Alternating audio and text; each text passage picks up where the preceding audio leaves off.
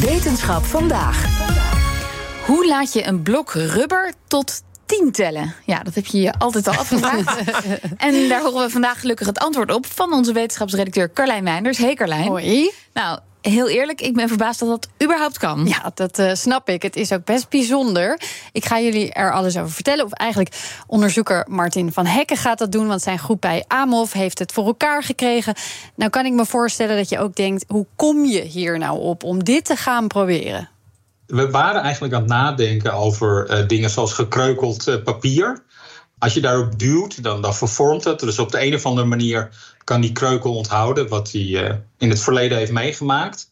En toen vroegen we ons af, wat, wat zou zo'n kreukel nou echt kunnen onthouden? En toen hebben we bij toeval ontdekt dat zo'n kreukel tot twee kan tellen. Dus die ziet er anders uit als je hem één keer of twee keer ingeduwd hebt. En uh, ja, toen was de vraag, hoe kan je nou verder tellen? En hoe zou je dat kunnen controleren? Dus die kreukel in een stuk papier laten tellen, dat lukt al? Ja. Nou, maar waarom zou je dan eigenlijk materiaal willen maken dat kan tellen überhaupt? Het idee erachter is materiaal ontwikkelen dat vergelijkbare dingen kan als een computer, zoals rekenen en informatie verwerken en opslaan, maar dan zonder stroom en zonder batterij, gewoon zelf, lekker energiezuinig. Ah.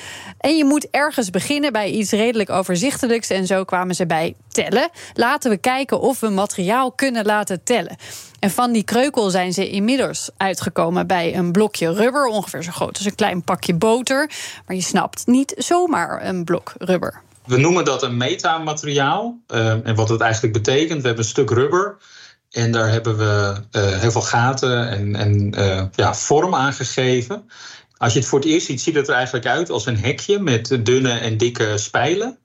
En dan is de truc dat die dunne spijlen, als je daarop duwt, ja, dan klappen ze naar links of naar rechts. Dus stel je voor, je hebt een creditcard tussen je vingers en je duwt erop, dan gaat die ook buigen. Nou, dan kan hij naar twee kanten op buigen. En dat denken we eigenlijk over als een bit. Dus die bit staat of naar links of naar rechts. Dus de spijlen van dat hekje in dat rubberen blok, dat zijn de bits, de nultjes en de eentjes waar een computer normaal mee rekent. En wat nou de truc is, nou hebben we die dingen naast elkaar staan. En als ik nou één bit heb die naar rechts is en ik duw erop, en ik stop weer met duwen, dan staan er twee bits naar rechts. Doe ik het nog een keer, zijn er drie naar rechts. Dus op die manier geeft hij eigenlijk zo'n bitwaarde door aan zijn, uh, aan zijn buren. En op die manier kan hij, uh, kan hij tellen.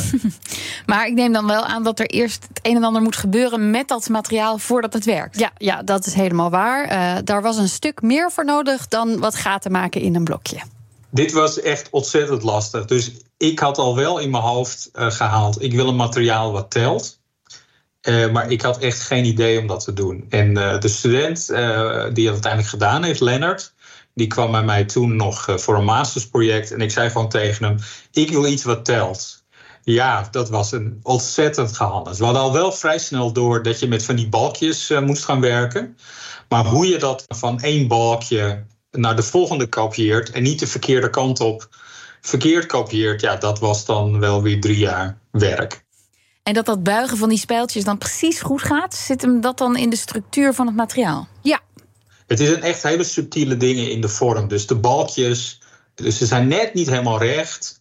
En dan de dikke balkjes hebben ook nog ergens in het midden een, uh, een klein gleufje in zitten, zodat ze open kunnen klappen naar één kant en niet naar de andere kant.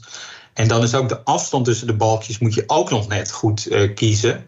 En uh, ook tussen het eerste prototype die het ongeveer deed en uiteindelijk dan zit dan nog ja, ook anderhalf jaar werk om het ook goed te begrijpen. We begrijpen nu ook helemaal hoe het, uh, hoe het werkt. Maar dat, ja, dat was lastig. En hebben ze ook al nagedacht over de toepassing? Jazeker. Um, je kunt denken aan een versie hiervan. Het materiaal kan dan wel wat anders zijn in een brug. Die elke keer als er bijvoorbeeld een te zware auto overheen rijdt, telt. Wat je Ah, dan ja. aan het einde van een jaar even kan checken hoe vaak was het nou eigenlijk. Of iets wat botsingen of schokken detecteert. Eh, kan ook bijvoorbeeld in een robot. Hoe vaak loopt die ergens tegenaan? Zoiets. Of iets voor in een Marsrover of zo. Want veel apparatuur heeft moeite in de ruimte. Door straling onder andere. Dit zou kunnen zijn en zonder energiebron kunnen werken. Ja, dat is heel aantrekkelijk, maar zover is het alleen nog niet, toch? Nee, nee, er is nog genoeg te doen. Eh, spelen met aantal keer tellen bijvoorbeeld. Of andere soorten berekeningen maken, patronen echt herkennen en verwerken.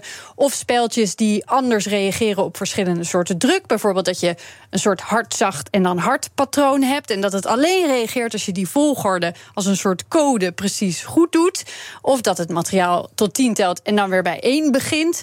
Materiaal dat zichzelf leert tellen. Oh. Zelfs dat moet uh, mogelijk zijn, denken ze. Maar goed, een stuk rubber tot 10 laten tellen, dat lukt dus Ja, alvast. dat lukt ze alvast. Ja. En nog één leuk dingetje: dat rubber heeft hele gezellige neonkleurtjes, viel mij op. uh, vrolijk felgroen, heel ethisch was dit blokje. En wat blijkt nou? Het is het soort rubber dat vroeger door tandartsen werd gebruikt. Vandaar die gezellige kleurtjes.